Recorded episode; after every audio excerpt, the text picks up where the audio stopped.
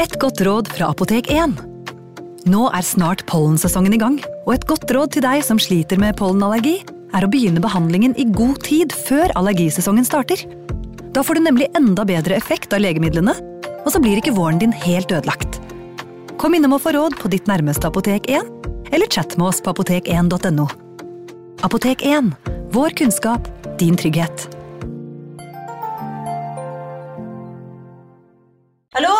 Jeg kommer fra Oslo politikammer.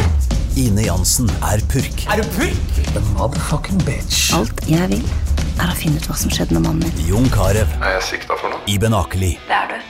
Ole So, Lars Berrum og Big Daddy Karsten. Hvem sin side er du på, egentlig? Anette Hoff, Tone Danielsen, Kommer du fra Afrika? Jørnis Josef, Nesten kløfta. Trond Espen Seim, Det er synd å si det, men det var feil mann som døde. Purk. Premiere tirsdag på TV2 Play. Ungsamtalen fra DNB er økonomisk veiledning tilpasset deg som er ung. Bokk en ungsamtale på dnb.no. slash ung. Det er kjempebra hvis du skal inn på boligmarkedet, hvis det er drømmen din, liksom. Det er det du skulle sagt. Og så kunne du ropt litt mer, da, sånn som jeg gjorde. Bam! Advarsel. Denne podkasten inneholder skildringer av ekte drap og kriminalsaker som kan være støtende for enkelte. Det advares også mot sterke inntrykk i deler av episoden. Om ettermiddagen den 24. april 2006 gikk en åtte år gammel gutt nedover gaten i nabolaget sitt.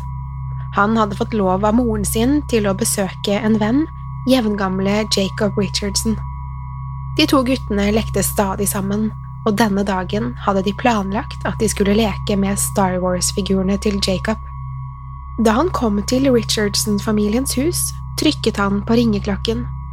Han kikket opp på det blå huset for å se om han kunne se Jacob i vinduet i andre etasje. Da han ikke kunne se noen, vendte han seg mot døren igjen.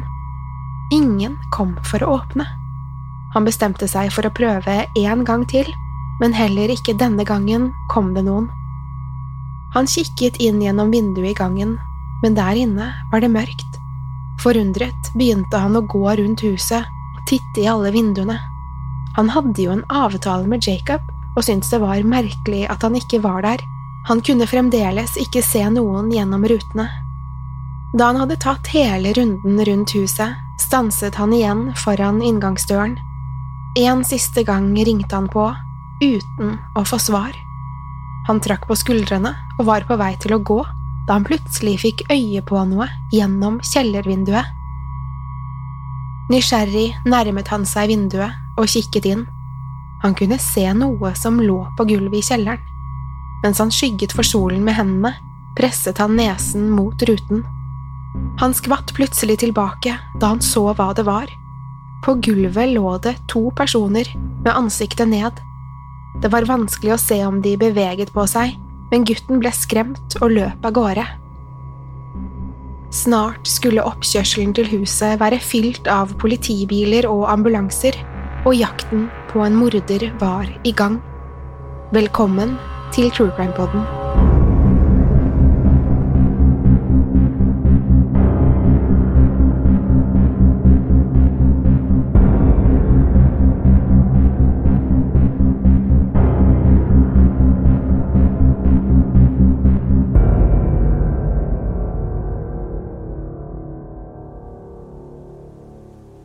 Familien Richardson var en relativt vanlig familie.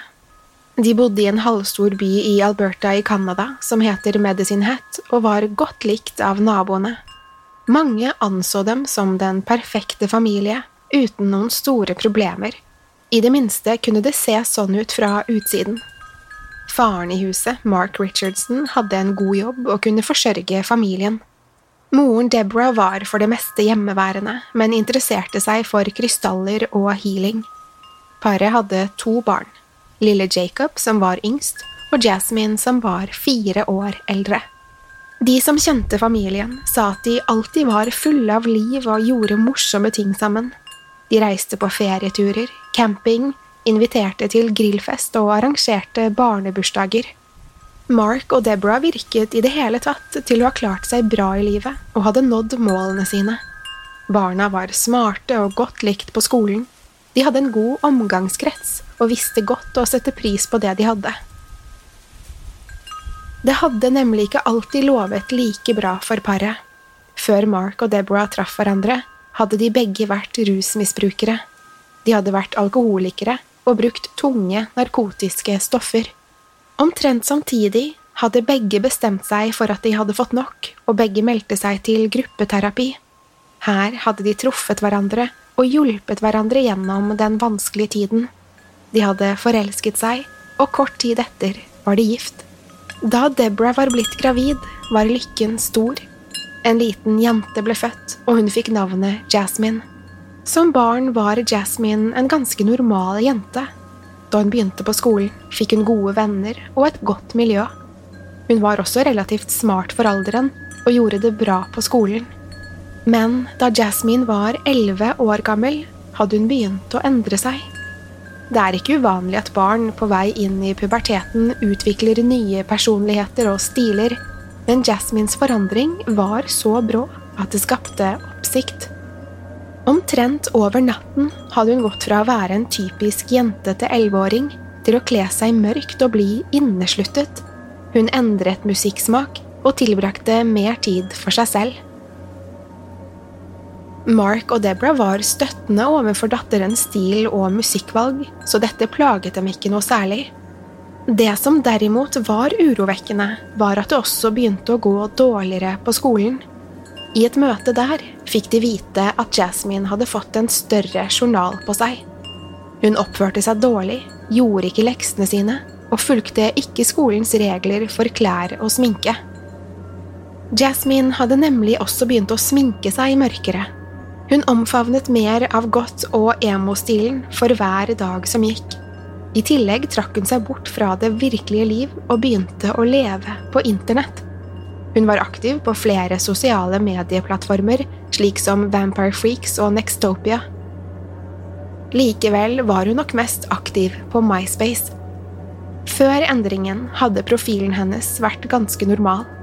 Nå hadde også den forandret seg.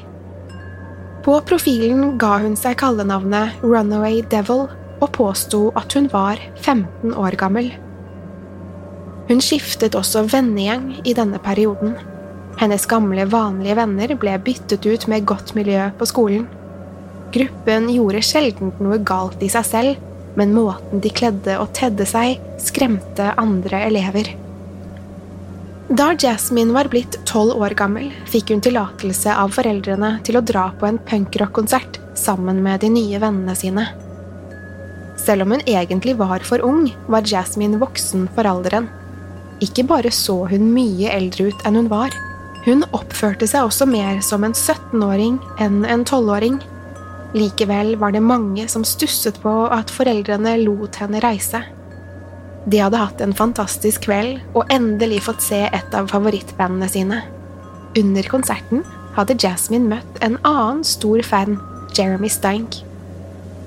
Jeremy var 23 år gammel, men hadde lagt merke til Jasmine med det samme. At hun fikk oppmerksomhet fra en eldre gutt som hun i tillegg syntes var ekstremt kul, var en spennende ny opplevelse. Jeremy hadde hatt en ganske annen oppvekst enn Jasmine. Moren hans var alkoholiker og var likegyldig til hva sønnen foretok seg. Han var også blitt slått og mishandlet av flere av morens kjærester. I tillegg hadde han blitt mobbet gjennom hele skolegangen. Dette var på grunn av hjemmesituasjonen, samt at han alltid hadde vært annerledes. Utseendet hans bar preg av at moren hadde drukket under svangerskapet, og han hadde sterk ADHD, depresjon og angst. Jasmine gikk gjennom en periode i livet hvor hun følte seg mer utenfor og hadde et behov for å passe inn et sted. I Jeremy fant hun noen som hun følte forsto henne. Jeremy på sin side ble betatt av Jasmines utseende og hvordan hun var villig til å lytte til alt han hadde å fortelle. De tilbrakte stadig mer tid sammen, og de ble etter hvert et par. Mange vil nok tenke at et forhold mellom en tolvåring og en 23-åring var umulig, men for dem var dette så ekte som det kunne bli. Paret holdt først og fremst kontakten på internett. De sendte meldinger frem og tilbake, både privat og på åpne plattformer. De skrev lange dikt til hverandre som de begge så på som romantiske. Andre som så disse diktene, mente de var nokså merkelige og skremmende. Jasmine skrev altfor voksent for alderen sin, og med et hint av seksualitet som ikke passet seg for en tolv år gammel jente. Da Jasmines foreldre fikk høre om forholdet til Jeremy, ble de rasende. Jasmine kranglet mye med dem og forsøkte å overbevise dem om at Jeremy var den eneste som forsto henne. Mark og Deborah ville ikke at datteren skulle ha noe med en voksen mann å gjøre, uansett hvor ung og forståelsesfull han virket. Til tross for at de var støttende rundt datterens stilvalg, kunne de ikke stille seg bak forholdet. Da Jasmine nektet å gjøre det slutt med Jeremy, ble foreldrene nødt til å ty til hardere grep. De forbød henne å møte Jeremy igjen, og beordret henne til å bryte kontakten. Dette gjorde ikke situasjonen noe bedre. Jasmine var illsint på foreldrene og trakk seg nå enda mer tilbake. Når hun var hjemme, satt hun kun inne på soverommet sitt og nektet å komme ut. Hver eneste samtale med foreldrene brøt ut i krangler, og hun distanserte seg stadig mer fra dem. Imens fortsatte hun å holde kontakten med Jeremy over internett. Han var også forbannet for at han ikke fikk møte henne. De skrev lange, dramatiske meldinger til hverandre. Jasmine fortalte om hvordan hun følte seg som en fange i sitt eget hus, og Jeremy var forståelsesfull. Snart begynte de å skrive flere merkelige ting på sine offentlige profiler. Særlig Jeremy ble ekstremt dramatisk i måten han ola seg på. I flere poster skrev han om hvordan han ville befri Jasmine fra sine voktere. Han skrev også at han ville straffe dem for alt de hadde gjort mot henne. I et dikt la han ikke skjul på noe, han skrev at hans elskers foreldre var helt urettferdige, og at de trodde de brydde seg, men i virkeligheten var fylt med grådighet. Han skrev også at Jasmine holdt på å bli gal i fangenskap, og at han var kommet for å redde henne.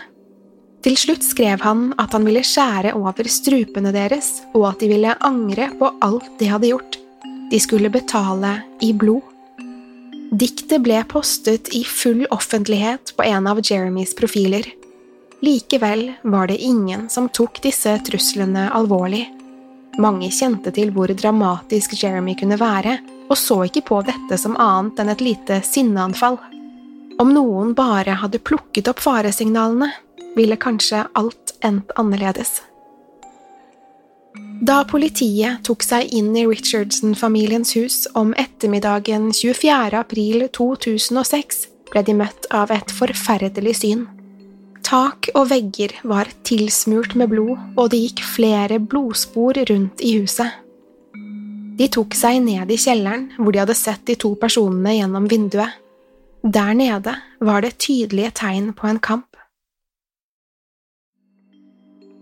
De to personene på gulvet lå begge i hver sin blodpøl med ansiktene ned. Da de ble snudd på ryggen, kunne politiet se at det var Mark og Deborah Richardson. Begge hadde store flenger i klærne, og store røde flekker dekket hele kroppen deres. De ble erklært døde på stedet. For å forsikre seg om at ikke gjerningspersonen fremdeles var i huset, gjennomførte politiet et søk i alle rom. Da kjelleren og førsteetasjen var sikret, bega de seg opp trappen. Langs veggen kunne de se flere familiebilder. Der var Mark og Deborah samt to barn, en liten gutt og en ung jente. De stanset et øyeblikk og så på bildene mens de håpet at barna ikke hadde vært hjemme. Da de kom opp i andre etasje, stanset de foran den første døren. Den var lukket, men politibetjentene visste at de måtte gå inn. De åpnet den forsiktig, og ble alle stående målløse. På en seng i hjørnet av rommet lå den lille gutten fra bildene, omkranset av rødt. Det tok ikke lang tid før de kunne bekrefte at gutten var død. Han hadde fått halsen skåret over på tvers. Da de beveget seg mot det siste soverommet, var de klare for å finne datteren i huset i samme tilstand som resten av familien. Men da de åpnet døren og kikket inn, var det tomt. Her var det ingen tegn til at det hadde vært noen. Politiet søkte også gjennom resten av huset, men kunne ikke finne noen tegn til henne. Etterforskningen ble satt i gang med det samme. Naboer og venner av familien ble avhørt mens de forsøkte å danne seg et bilde av situasjonen. Flere teorier ble vurdert som mulige motiver. Den første var at det hadde vært et innbrudd som gikk galt. Om familien hadde våknet av en innbruddstyv, var det mulig de hadde gått til angrep. Likevel var det ingenting som var stjålet, foruten at det manglet noen klær fra Jasmines rom. Den andre teorien var at Jasmine var blitt bortført. Noen kunne ha kommet for å ta henne, men blitt overrasket av resten av familien. Jasmine ble derfor straks etterlyst i hele Alberta, mens politiet fortsatte etterforskningen. I samtaler med Jasmines venner på skolen fikk politiet høre om forholdet hennes til Jeremy. Her fikk de også ta en titt på journalen hennes, som viste hvordan hun hadde forandret seg den siste tiden. De begynte snart å mistenke at ikke alt var som det så ut i denne saken. Det skulle heller ikke ta lang tid før de fikk bekreftet mistankene sine. I det som kan ha vært Canadas korteste jakt på en drapsmann, ble Jasmine og Jeremy funnet dagen etter. De ble oppdaget i en bil i byen Leander i Saskatchewan, 130 km fra Medicine Hat. I bilen satt også en venn av dem, Casey Lancaster. Jeremy bar tydelig preg av å ha vært i slåsskamp. Alle tre ble umiddelbart arrestert og tatt med tilbake til Medicine Hat. Her ble de plassert i ulike celler og ble avhørt etter tur. Alle tre nektet for å ha hatt noe med drapene å gjøre. Mens de satt i varetekt, sendte Jeremy og Jasmine flere lange kjærlighetsbrev til hverandre. I ett av dem hadde Jeremy fridd til Jasmine. Hun hadde besvart på brevet og sagt ja. Det virket som at de to fremdeles var stormforelsket, selv i fengsel. Det var ikke vanskelig å få Jeremy til å snakke om alt som hadde skjedd. Han ville bare ikke snakke med politiet. I hans øyne hadde han og Jasmine hatt et oppdrag som måtte utføres. Han måtte redde henne fra det fengselet hun påsto å være fanget i. Derfor fortalte han villig om hva som hadde skjedd den kvelden, til andre innsatte. Da politiet til slutt sendte en sivil politibetjent inn i fengselet, fikk de hele historien. Han fortalte at han og Jasmine hadde en plan for hvordan det hele skulle foregå. Hun skulle åpne kjellervinduet for ham. Så skulle han snike seg inn mens familien sov, og ta livet av dem alle. Men da det hele skulle gjennomføres, gikk ikke alt etter planen. Før Jeremy reiste til Richardson-familiens hus, hadde han drukket store mengder alkohol og tatt flere doser narkotika. Han trengte å roe seg ned før drapene, og dette var måten han valgte. Da han hadde ankommet huset, hadde han vært så sløv at han nesten ikke kunne gå. Han hadde peilet seg inn på det åpne kjellervinduet og forsøkt å klatre inn. I forsøket hadde han laget et voldsomt leven. Han hadde veltet flere gjenstander og ramlet inn gjennom vinduet. Mark og Deborah hadde våknet av bråket og Deborah hadde vært sikker på at det var Jasmine som forsøkte å snike seg ut. De hadde mange ganger kranglet om at Jasmine ikke fikk dra på fester, så det var ikke uvanlig at datteren prøvde på dette. Søvnig hadde Deborah funnet veien ned til kjelleren og åpnet døren. Da hun skrudde på lyset, var det ikke datteren hun fant. Der sto en mann, helt kledd i svart og med en finlandshette over hodet. Deborah hadde skreket og forsøkt å komme seg opp trappen igjen, men hun var for sen. Jeremy hadde allerede funnet fram en kniv og kastet seg over henne. Etter 16 knivstikk i overkroppen hadde hun ikke rørt seg mer. Men dette hadde laget enda mer lyd, og Mark hadde kommet løpende ned. Da han kom inn i rommet, fikk han se den maskerte mannen som sto over konen hans. Mark hadde hatt en lang skrutrekker i neven, og et øyeblikk stirret de bare på hverandre. Sjokkert over å se Deborah dø på gulvet, hadde Mark gått til angrep. En kamp brøt ut. Mark var stor og sterk og hadde først klart å overliste Jeremy. Med skrutrekkeren hadde han stukket Jeremy gjennom skulderen, men Jeremy, som var bedøvet etter alle de narkotiske stoffene, hadde ikke latt seg stanse. Mark hadde nesten klart å kvele Jeremy til døde i et basketak på gulvet. Så hadde Jeremy fått tak i kniven sin. Med en voldsom kraft hadde han stukket Mark i brystet. Da Mark hadde blitt slått tilbake av smertene, hadde Jeremy sett rødt. I raseri hadde han knivstukket Mark 20 ganger i overkroppen. Skadene var påført med en sånn kraft at kniven hadde bøyd seg i møte med Marks ribben. Med sine siste krefter hadde Mark kikket bort på Deborah og så opp på Jeremy. Da han klarte å spørre hvorfor alt dette hadde skjedd, hadde Jeremy bøyd seg ned mot han. Så hadde han sagt at det var fordi datteren hans ville ha det slik. Det var det siste Mark hadde hørt før han døde. Samtidig hadde Jasmine sittet på lillebrorens rom i andre etasje. Mens hun hørte på skrikene og slåssingen nedenunder, hadde hun holdt broren for ørene. Hun ville ikke at han skulle trenge å høre på de grusomme ropene om hjelp. Da lydene hadde stilnet, hadde Jeremy kommet opp til soverommet. Så hadde han og Jasmine tatt livet av Jacob. Jeremy hadde også spurt den sivile politibetjenten om han hadde sett filmen Natural Born Killers. Da politibetjenten hadde sagt nei, hadde Jeremy sagt at det var den beste kjærlighetshistorien noensinne. Filmen handler om et ungt par som først tar livet av hennes foreldre, for å så bli seriemordere. Jeremy var oppslukt av denne filmen og brukte den som modell i planleggingen av drapene. Han så på seg selv og Jasmine som helter i sin egen historie, og at det de gjorde, var rettferdig. Da Jasmine ble stilt for retten ett år etter drapene, påsto hun at hun var uskyldig.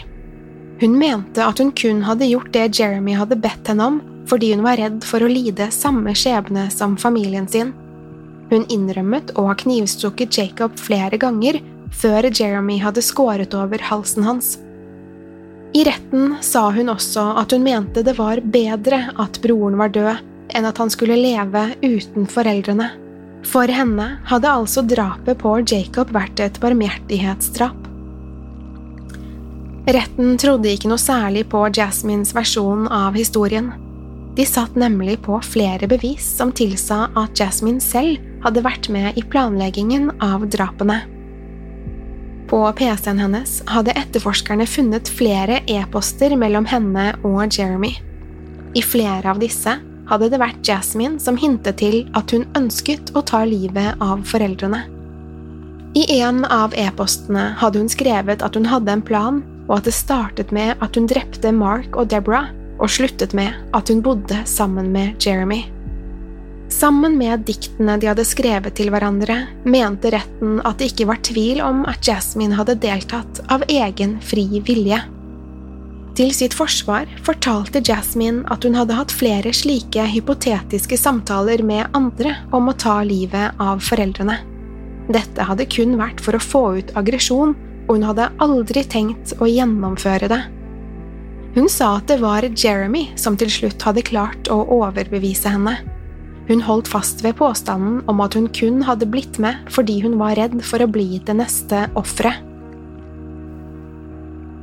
Da juryen trakk seg tilbake, tok det ikke mer enn to timer før de hadde kommet fram til en avgjørelse. Siden Jasmine kun var 13 år på dette tidspunktet, kunne hun ikke dømmes som voksen. Hun fikk derfor den strengeste straffen hun kunne, ifølge canadisk lov. Ti års fengsel med tvungen rehabilitering og oppfølging. Hun ble dermed den yngste i Canadas historie til å bli dømt for drap på flere enn én person. Jeremys rettssak, halvannet år etter Jasmines, var også en relativt kort prosess. Etter alt han hadde sagt til politiet mens han satt i varetekt, var det ikke noen tvil om at han var skyldig i drapene. Han innrømmet at de hadde planlagt drapene sammen, og at motivet var å kvitte seg med dem slik at de kunne være sammen. Han fortalte også at planen hadde vært at de to skulle gifte seg og flytte til Tyskland. Her skulle de bo i et slott og være sammen til evig tid. Jeremy ble dømt til livstid i fengsel, med mulighet for prøveløslatelse etter 25 år. Dette var den strengeste straffen han kunne fått, ifølge canadisk lov på den tiden. I ettertid forsøkte han å anke dommen under et nytt navn, Jackson May. Men anken ble avvist, og Jeremy måtte sone minst 25 år. Jasmine og Jeremys venn Casey Lancaster, som hadde sittet i bilen sammen med dem, ble også straffet. Det viste seg at hun hadde hjulpet dem med å stikke av, og ble derfor dømt til ett års husarrest. I 2016 ble Jasmine løslatt etter å ha sonet straffen sin. Etter løslatelsen gjennomførte hun fire år med tvungen psykisk helsevern. I dag er Jasmine Richardson helt fri og lever et nytt liv med en ny identitet.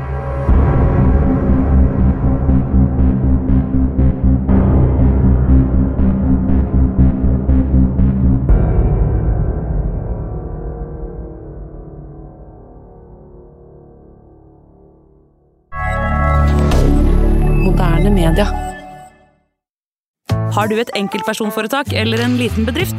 Da er du sikkert lei av å høre meg snakke om hvor enkelt det er med kvitteringer og bilag i fiken, så vi eh, gir oss her, vi. Fordi vi liker enkelt. Fiken superenkelt regnskap. Hei! Takk for at du lytter til True Crime Podden. Skulle du ønske at du kunne høre en ny episode av denne podkasten hver eneste uke?